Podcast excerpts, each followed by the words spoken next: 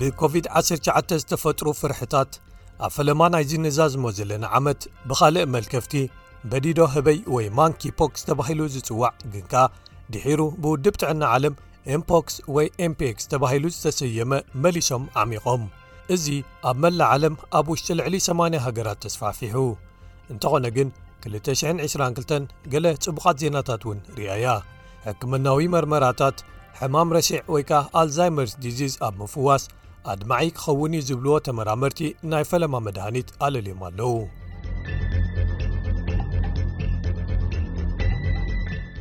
እዚ ዓመት ምስ ጥዕና ዝተኣሳሰሩ ቃልስታት ቀይድታት ምዕፃዋትን ሞታትን ዝዓብለልዎ ነይሩ እንተኾነ ግን ተመራመርቲ ስነ ፍልጠት ፍወሳታት ክታበታትን ሕማም ዘጥፍኡ መድሃኒታትን ንምርካብ ኣብ ዝሰርሕሉ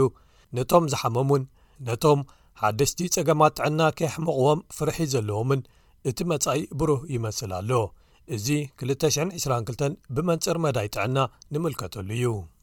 ንልዕሊ 30 ዓመታት ምርምር ብዛዕባ ሕማም ረሲዕ ወይ ኣልዛይመርስ ዲዚዝ ድሕሪ ምክያድ ተመራመርቲ ኣብ መወዳእቱ ነዚ ሕማም ዘዝሕል ወይ ቀስ ዘብል መድሃኒት ኣለና ኢሎም ኣብ ሓደ መጽናዕቲ 1800 ኣብ ቀዳሞት ደረጃታት እቲ ኣእምሮ ዝሰርቕ ሕማም ዝነበሩ ሰባት ን18 ኣዋርሕ ዝኣክል ሌካነማብ ወይ ሓደ ናይ ሓሶት ወይ ዘይጓዳእ ነገር ብሰራውር ደሞም ተዋሂብዎም ኣብ ግዜ እቲ መጽናዕቲ ኣብቶም ሌካነማብ ዝተዋህቡ ሰባት እቲ ሕማም ናብ ዝቕጽል ደረጃ ክሰግር ዘለዎ ተኽእሎ ብ31 ካብ ሚተቐኒሱ ኣብ ፈለማ ቴስዓታት ጆን ሃርዲ ሕጂ ፕሮፌሰር ኒውሮ ሳይንስ ኣብ ዩኒቨርሲቲ ኮሌጅ ለንደን ትካል መጽናዕቲ ስርዓተ ነርቭታት ወይ ከኣ ኢንስቲትት ኦፍ ኒውሮሎጂ ዘሎ ኣባልታ ንፈለማ ግዜ ኣብ ሕማም ኣልዛይመርስ ዝፍጠር ወይ ዝህሉ ምቅያር ኣብ ኣማይሎይድ ኣማይሎይድ ሚዩቴሽን ዘረጋገጸት ጉጅለ ተመራመርቲ ነይሩ እቲ ሽዑ ዘቕረብዎ ኣፈናዊ መደምደምታ ኸኣ ልክዕ ነይሩ ካብ ሓንጎል ኣማይሎይድ እንተጽሪኻዮ ወይ እንተ ኣሊኻዮ ንጥዕና ወይ ብሕክምናዊ ዓይኒ ጠቓሚ ዝኾነ ጽልዋ ክርከብ ይኽእል እዩ ዝብል እዩ።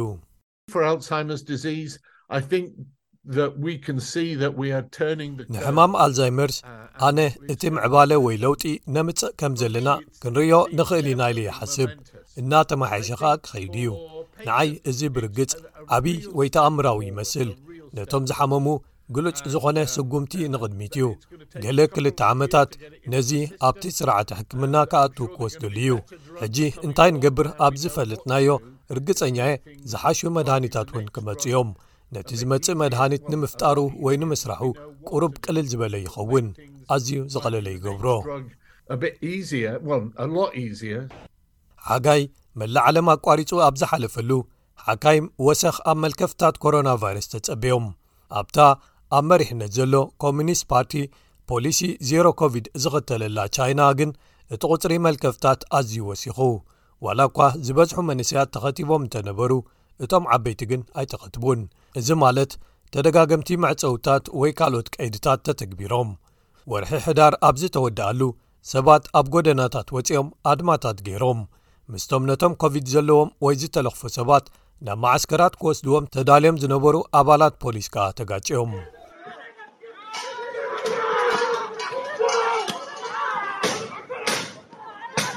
ተመራመርቲ ኣብ መላእ ዓለም ፖሊሲ ዜሮ ኮቪድ ይሰርሕ ከም ዘይነበረ ኣጠንቂቖም እዮም ፕሮፌሰር ኣነሊስ ዋይልደር ስሚት ተመራማሪ ተመሓላለፍቲ ሕማማት ካብ ለንደን ስኩል ኦፍ ሃይጂን ኤንትሮፒካል ሜዲሲን ክትገልጽ እንከላ ቻይናውያን ማሕበረሰባት ሕማም ናይ ምክልኻል ዓቕሞም ከማዕብሉ ኣይፍቀደሎምን እዩ ነይሩ ኢላ ብናተይ ኣተሓሳስባ ካልእ ኣማራጺ የለን እዚ ቫይረስ ክዘውር ክትፈቕድሉ ኣለኩም ገለ ተፈጥሮዊ ዓቕሚ ምክልኻል ከተማዕብሉ ኣለኩም ድሕሪኡ ኣብ ሓደ ቅጽበታዊ ምቕያር መርገጺ ታሕሳስ ሸተ ኮሚኒስት ፓርቲ ቻይና ነቶም ኮቪድ-19 ዘለዎም ሰባት ክውሸቡ ዘገድዱ መምርሒታት ንስርዞም ኣለና ክብል ኣፍሊጡ ንገለ ህዝባውያን ቦታታት ዘድልዩ ዝነበሩ ጠለባት መርመራ ኮቪድ ገዲፎሞም ኣብቲ ንሚልዮናት ሰባት ካብ 219 ኣትሒዙ ኣብ ገዝኦም ክጸንሑ ኣገዲድዎም ዝነበረ ፖሊሲ ለውጢ ተገይሩ ማለት እዩ ሓደ ምዉቕ ክረምቲ ኣብ ኤውሮጳ ሰባት ኣብ ግዜ ቀይድታት ለበዳ ኮቪድ ዝተሓረምዎም ናብ ጎደናታትን ኣብ መዘናግዒ ምርኢት ዝካየደሎም ኣዳራሻትን ከም ዝወፁ ገይርዎም እንተኾነ ግን ብሓደ ሓድሽ ንኡስ ዓሌት ወይ ቫርያንት ዝተደፋፉ ወሰኻት ኣብ ቁፅሪ መልከፍታት ተራዮም እዚ ካብቲ ቀዳማይ መበቆላዊ ኦሚክሮን ዝተባህለ ዘርኢ ድሒሩ ዝተፈጥረ ቢa 5 ተባሂሉ ተፀዊዑ ኣብ ሓደ እዋን ኣብ ወርሒ ሓምለ ውድብ ጥዕና ዓለም መልከፍታት ኮሮና ቫይረስ ኣብ መላ ኤውሮጳ ብሰለስተ ዕጽፊ ወሲኾምን ካብቶም ኣብ መላእ ዓለም ዝነበሩ መልከፍታት ከባቢ ፍርቂ ከም ዘቑሙን ኣጠንቂቐዉ ክረምቲ 220 ክፋላት ኤውሮጳ መምርሒታት ቀይድታተን ከፋኹሳ ምስ ጀመራ ሓካይም ምሉእ ብምሉእ ዘይሓውዩን ንነዊሕ ብዝጸንሑ ምልክታት ሕማም ዝሳቐዩ ሕሙማት ከም ዘለዉ ኣፍልጦ ክህልዎም ጀሚሩ ኣብ ወርሒ መስከረም ሓደ ብውድብ ጥዕና ዓለም ዝተመወለ መጽናዕቲ 17 ሚልዮን ሰባት ኣብ መላ ኤውሮጳ ምስ ምልክታት ሕማም ንነዊሕ ዝጸንሕ ኮቪድ ሎንግ ዝተባህለ ይነብሩ ኣለዉ ክብል ግምቱ ሂቡ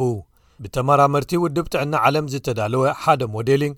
ኣብ መንጎ 22221 ተፈልዮም ዝተረኽቡ ሓደስቲ መልከፍታት ሎንግ ኮቪድ 37 ካብ 100 ወሰኻርዩ ክብሉ ኣፍሊጦም ዶር ካተሪን ስሞልውድ ካብ ውድብ ጥዕና ዓለም ቤት ጽሕፈት ኤውሮጳ ሓካይምን ኣገልግሎታት ጥዕናን ኣብ መላእ ዓለም ሕሙማት ዝነግርዎም ክኣምንዎም ኣለዎም መድሃኒታት ከኣ ክርከበሎም ኣለዎ ትብል እዚ ናይ ብሓቂ ሕማም እዩ ክፍለጥ ከ ኣለዎ ክሕከም ወይ ክፍወስ እውን ኣለዎ ካልእ ውፅኢት ናይዚ ለበዳ ብመሰረት ክልተ ኣብ 222 ዝተኻየዱ መፅናዕታት ወሰኽ ኣብ ምህላኽ ወይ ከኣ ምስታይ ኣልኮላዊ መስተ እዩ። ክልተ ብናይ ዓባይ ብሪጣንያ ሃገራዊ ኣገልግሎት ጥዕና ወይ ኤን-ኤች-ኤስ ዝተኻየዱ መጽናዕትታት፣ እቶም ኣቐዲሞም ብዙሕ መስተ ዝሰትዩ ዝነበሩ ሰባት ኣብ ግዜ ለበዳ መሊሶም ገዲዶምን ቀይድታት ኮቪድ-19 ምስ ተላዕሉ'ውን ብኸቢድ ምስታዮም ቀጺሎም ክብል ደምዲሙ። ሰባት ናብ ፌስቲቫላት ክረምቲ ኣብ 222 ኣብ ዘማዕድውሉ እዋን ኣብ ክፋላት ኣፍሪቃ ዝተላብዑ ግን ከኣ ወጻኢ ካብቲ ኣህጉር ዘይተስፋሕፍሑ መልከፍታት ካልእ ዓይነት ቫይረስ ተቐልቂሎም በዲዶ ህበይ ወይ ማንኪ ፖክስ ሽዑ ተባሂሉ ዝጽዋዕ ዝነበረ ብሕብጥ ዝበለ ክፋል ቆርበትን ዕንፍሩርን ይጅምር ሰራሕተኛታት ህዝባዊ ጥዕና እቲ ቫይረስ ንውሕ ዝበለ እዋንን ኣዚኹም ብምቅርራብን ቆርበት ንቖርበት ብምትንኻፍን ዓራት ሽጎማኖን ክዳንን ብሓባር ብምጥቃምን ይመሓላለፍ ክብሉ ይገልጹ ፕሮፌሰር ሎረንስ ያንግ ካብ ዩኒቨርሲቲ ዋርዊክ ሜዲካል ስኩል ነቲ ክትቈጻጸሮ ይከኣል እዩ ኢሎም ርእሰ ተኣማንነት ካብ ዝነበሮም ብዙሓት ክኢላታት ተመሓላለፍቲ ሕማማት እዩ ኣነ እዚ ብዝተሓተ መጠን ንነዊሕ እዋን ምስቲ ሕብረተሰብ ዝጸንሐ ሓደ ነገር እዩ ዝብል ስምዒት እዩ ዘለኒ ንሕና ሕጂ እቲ ወሰኽ መልከፍቲ ጥራይና ንርዮ ዘለና ሕዳር ውድብ ጥዕና ዓለም እቲ ማንኪ ፖክስ ዝብል ስም ናብቶም በቲ ቫይረስ ዝተጸልዉ ማሕበረሰባት ዓሌታውን ክብሪ ዘጉድልን ቋንቋታት ናብኦም ከቕንዕ ብምግባሩ ክቕይሮ ወሲኑ እቲ ስም ብደረጃ ዓለም በብቕሩብ ምስ ግዜ ናብ ኤምፓክስ ወይ ከኣ ኤምፒኤክስ ዝብል ስም እናተቐየረ ክኸይድ እዩ እቲ ኣብዚ ለበዳ ዝተፈልጠ ቫይረስ ሳሕቲ እዩ ዝቐትል ሰባት መብዛሕትኡ ግዜ ኣብ ውሽጢ ሰሙናት ይሓውዩ ወርሒ ሓምለ ኣብ ዝተወድኣሉ እቲ ኣብ መላእ ዓለም ዝተኸሰ ለበዳ ኣብ ከባቢ 8 ሃገራት ልዕሊ 22,00 መልከፍታ ተኸቲሉ ኤምፒክስን ኮቪድ-19 ብዛዕባቶም ዞኖቲክ ዲዚዝስ ወይ ከኣ ዞኖቲክ ሕማማት ተባሂሎም ዝግለጹ ካብ እንስሳታት ናብ ሰባት ዝሓልፉ ሕማማት ኣብ መላእ ዓለም ኣፍልጦ ክህልዎም ወይ ክውስኽ ገይሮም ልዕሊ ፍርቂ ዝኾኑ ካብ ኩሎም መልከፍታት ኣብ ልዕሊ ደቂ ሰብ ከም በዓል ዓሶ ኢቦላን ሳርስን መበቀሎም ዞኖቲክ ወይ ከኣ ካብ ካልኦት እንስሳታት እዩ ብመሰረት ማእከል ምቁጽጻር ሕማማት ዩስ ሓደ ተመራመርቲ ከጥፍዎ ዝፍትኑ ዘለዉ ዝኖጢቅ ሕማም እምባር ሕማም ዓሶ እዩ ወርሒ መስከረም ተራእዩ ዘይፈልጥ ዓቐን ዝናብ ሞንሱን ናብ ፓኪስታን ሒዛ መጽያ እቲ ሃገር ሓገዛት ከተብጽሕ ላዕልን ታሕትን ኢላ ኣብ ማይታ ሸሓት ሰባት ኣባይቶም ብማይ ተዋሒጦምን ዝበዝሐ ክፋል እቲ ሃገር ኣብ ትሕቲ ማይ ብምጽንሑን ተፈናቒሎም ሓለፍቲ ጥዕና ፓኪስታን ከም በዓል ዓሶን ደንጊን ዝኣመሰሉ ለበዳታት ማይ ወለድ ሕማማት ተኸሲቶም ኣለዉ ክብሉ ሓቢሮም እዚኦም ነቲ ቝጽሪ መወቲ ሰባት ክውስኽ ገይሮም ህፃናት ኣብኡ ካብ ሕማማት ከስዐን ውፅኣትን ይሰቐዩ ነይሮም ብመሰረት ዕለት 8 ታሕሳስ ዝወፀ ሓደ ፀብጻብ ሕማም ዓሶ ዓለም ካብቲ ናይ 219 ዝነበረ 568,000 ዝበዝሕ ማለት 619,000 ሰባት ኣብ 221 ዓሶ ሓሚሞም መይቶም ኣብዚ ዓመት ተመራመርቲ መልከፍትታት ወይ ሕማማት ከስፋሕፍሑ ከይክእሉ መታን ዘርኦም ዝተመሓየሸ ወይ ከኣ ዝተሰንዐ ጣንጡ ናይ ምምዕባል መደባት ይቕጽልዎ ኣለዉ ኣብ ኣውስትራልያ ሓደ መጽናዕቲ ወቕዒ ወይ ከኣ ስትሮክ ዘጋጠሞም ሰባት ንገለ ሕክምናታት ወይ መድሃኒታት ዝሓሸ ተቐባልነት የርእዩ ኣለዉ ክብል ደምዲሙ እዚ ኸኣ ኣብ መበቆል ዓሌቶም ይምርኮስ ይብል እዚ ግሎባዊ መጽናዕቲ ሓንቲ ጉጅለ ካብ ሜልበን ዘካተተ ነይሩ ንወቕዒ ዘጋጠሞም ወይ ዝሓመሙ ሰባት ከኣ ዓለም ለኻዊ ዝኾነ መምርሒታት ሕክምና ክግበረሎም ወይ ክወጻሎም ክሕግዝ ይኽእል እዩ ወቕዒ ዘጋጥም ዋሕዚ ደም ናብ ሓንጎል ብሓደ ዝረግአ ደም ክዕገት እንከሎ እዩ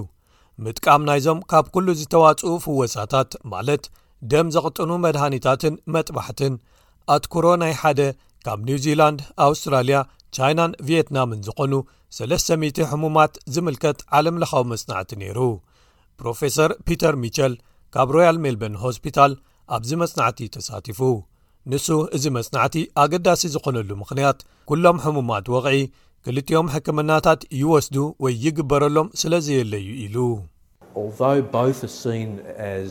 ክልጥኦም ከም ብሓባር ዝውሃቡ ፍወሳታት ኰይኖም ይረኣዩ እንተዀኑን እቲ ዝለዓለ ኣሰራርሓ ከምኡ እንተነበረ እኳ ደም ዘቕጥን ንጥረ ነገር ምጥቃም ደው ናብ ምባል ድሌት ወይ ዝምባለ ክረኣ ጀሚሩ ነይሩ እዩ። እንተኾነ ግን እቲ መጽናዕቲ እቲ ዝበለጸ ኣገባብ ወቕዒ ዝሕከመሉ ክልቲኡ ማለት መቕጠኒ ደም መድሃኒትን መጥባሕትን ብሓባር ምዃኑ ኣረጋጊጽዎ እዩ። እዚ ናብ ምድላው ሓደ ወቕዒ ንምሕካም ዘድሊ መምርሒታት ንምፍጣር እቲ ናይ መወዳእታ ኣድላይ ወይ ከኣ ኣገዳሲ ሓበሬታ እዩ ነይሩ ካብ ሕጂ ንደሓር ነቲ መቕጠኒ ደም ክወሃቡ የብሎምን ዝብል መዕለቢ ክገብረሉ እዩ ክልቲኦም ፍወሳታት ክወሃቡ ኣለዎም እዚ ኸኣ ከም መምርሒታት ኮይኑ ክውቀር ትፅቢት ንገብር um, ካልእ እውን ካብ ኣውስትራልያ ሓደ ሓድሽ ፈውሲ ሕማም ነድሪ መዓንጣ ኣብ ቀረባ ግዜ ክርከብ ተኽእሎ ዘለዎ ኣሎ ምስዚ ኩነታት ወይ ሕማም ምትእስሳር ዘለዎ ባክተርያ ፈልዩ ዝረኸበ ሓደ ኣውስትራልያዊ ተመራማሪ ሕጂ ኣትኩርኡ ናብ ምምዕባል ፈውሲ ነዚ ዘድክም ወይ ዘሳቒ ሕማም ገይርዎ ኣሎ ናብዚ ሕማም ነድሪ መዓንጣ ክምጻእ እንከሎ ኣውስትራልያ ኣብ ምጥቃም ጽቡቕ ባክተርያ ንምቅላስ እቶም ሕማቕ ወይ ከኣ ርጉማት ባክተርያ ስማ ተጸውዓላ። ኣብ ነፍሲ ወከፍ ሸሞንተ ሰሙናት ማሪሳ ኮሊግሊዮኒ ንምቁጽጻር ምልክታት ሕማም ኣልሰራቲቭ ኮላይቲስ ብደም ሱራ ዝኣቱ ፈሳሲ መድሃኒታት ንምውሳድ ናብ ሆስፒታል ተኸይድ። እዚ ጓል ዓሰርተ ሓደ ዓመት ቆልዓ እንከላ ንነዊሕ ምስኣ ዝጸንሐ ሕማም እዩ። ምጭውቲ ትስፉው ጠመተኣ ብዘየገድስ ንሳ ግን ኣብ ህይወተይ ሃስዩኒ'ዩ ትብል። እቲ ዝደለኽዎ ክመሃር ወይ ከጽንዕ ኣይከኣልኩን፣ ምኽንያቱ ኣብ ቤት ትምህርቲ ከምቲ ዝግባእ ወይ ዝኣክል ስለ ዘየለኹ። ምኽንያቱ ካብኡ ዝእለየሉ እዋን ከምቲ ዝደለኽዎ ክጓዓዝ ኣይክእልን እየ፣ ምኽንያቱ እቲ ሕማመይ ክለዓለኒ ምዃኑ ኩሉ ግዜ ኣብ ኣእምሮይ ስለ ዘሎ።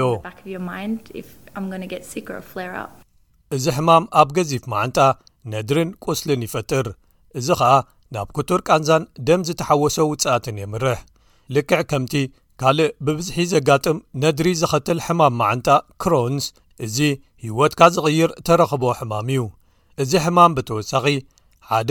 ነዚ ጸገም ኣብ ህፃናት ዝሕክም ዶር ኤጃይልስ ንሰባት ከም ዘለዎም ክሕብር ወይ ክነግሮ ዝነብር እዩ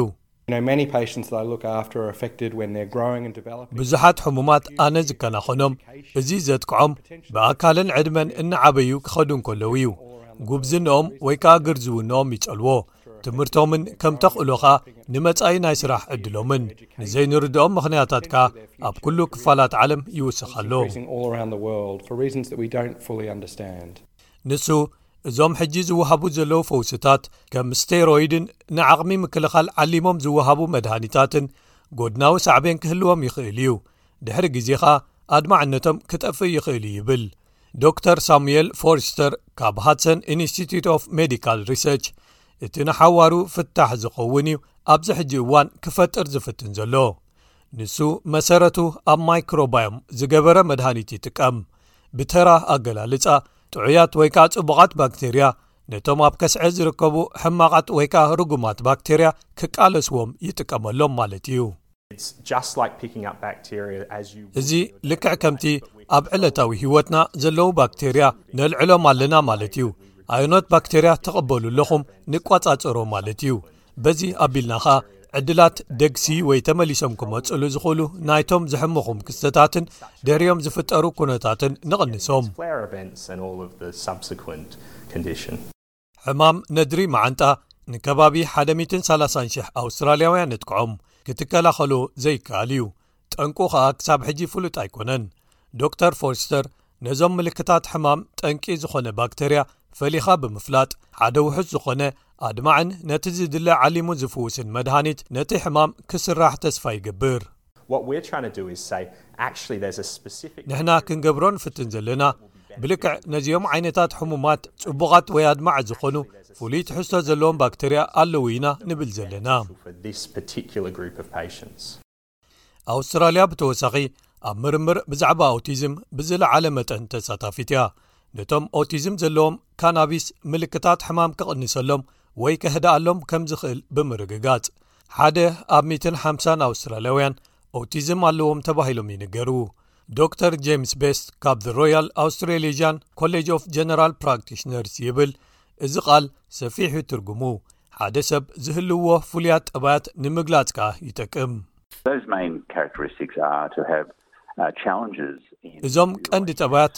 ምስ ካልኦት ሰባት ክትሕወሱን ምስ ሰባት ትራዳድኡሎም ኣገባባት ከበድቲ ወይ ከኣ ብድሆታት ይፈጥሩልኩም ካልእ ከኣ ተገዳስነት ኣብ ሓደ ፍሉይ ነገር ክህልወኩም ወይ ድሩት ዝኾነ ብዝሒ ተገዳስነታት ክህልወኩም እዩ መብዛሕትኡ ግዜ ኸኣ ምስ ተነቃፍነት ናይ ስምዒት ህዋሳታትና ዝተሓሓዝ ይኸውን ዶክተር ማይክል ፋሂ ሓላፊ ፒድያትሪክ ኒውሮሎጂ ኣብ ማእከል ሕክምና ሞናሽ ሜዲካል ሰንተር ኣብ ሜልበርን እዩ ንሱ ካናቢስ ከም መፈወሲ ክጠቅም ዝፍትሽ ዝነበረ ሓደ መጽናዕቲ መሪሑ ዓሰርተ ኣርባዕተ ህጻናት ኣብቲ ንዒስራ ሰሙናት ዝተኻየደ መጽናዕቲ ተሳቲፎም። ንሕና ምዕራፍ ሓደ ናይቲ ፈተነታት ኣብቶም ኦቲዝም ዘለዎም ህጻናት ኣብ ሞናሽ ችልድረንስ ሆስፒታል ኣካይድናዮ። እቲ ምፍዋስ ኣብ ብዙሓት መዳያት ምምሕያሽ ከም ዘርኣየ ኣረጋጊጽና፣ ብፍላይ ከኣ ኣብቶም ዘሻቕሉ ምልክታት ሕማም ኣብ ምርድዳእ ምስ ሰብ ምትሕውዋስ ሻቕሎትን ምዕግርጋርን ንሕና ነዚ ብዙሓት ዝተፈላለዩ መዐቀኒታት ተጠቒምናን ንሕሙማትን ስድራ ቤቶምን ኣብዚ እዋን ብዛዕባ ምልክታት ሕማሞም እንታይ ቀንዲ የሻቕሎም ኢልና እውን ሓቲትና ኣብ ኩሉ ኸኣ ምምሕያሽ ኣብዞም መዳያት ርኢና ዶክተር ፋሂ ተወሰኽቲ መጽናዕትታት የድልዮም ይብል ግን ተመራመርቲ ከመይ ገይሩ ብኣድማዕነት ንኦቲዝም ዝምልከቱ ተሞክሮታት ይፍውሶም ዝብል ኣብ ዝሰርሕሉ ካናቢስ ኣብ መወዳእትኡ ንወለዲ ቶም ኦቲዝም ዘለዎም ህፃናት ተስፋ ክህብ ይኽእል እዩ 223 ኣብ ዝኣትወሉ ተመራመርቲ ንብዙሓት ዝተፈላለዩ ሕማማት ፈውሲ ወይ መድሃኒት ክረኽቡ ተስፋ ይገብሩ ምስ መፅናዕትታትን ምርምራትን ኣብ መላዓለም ዝካየዱ ዘለው እዚ ሓድሽ ዓመት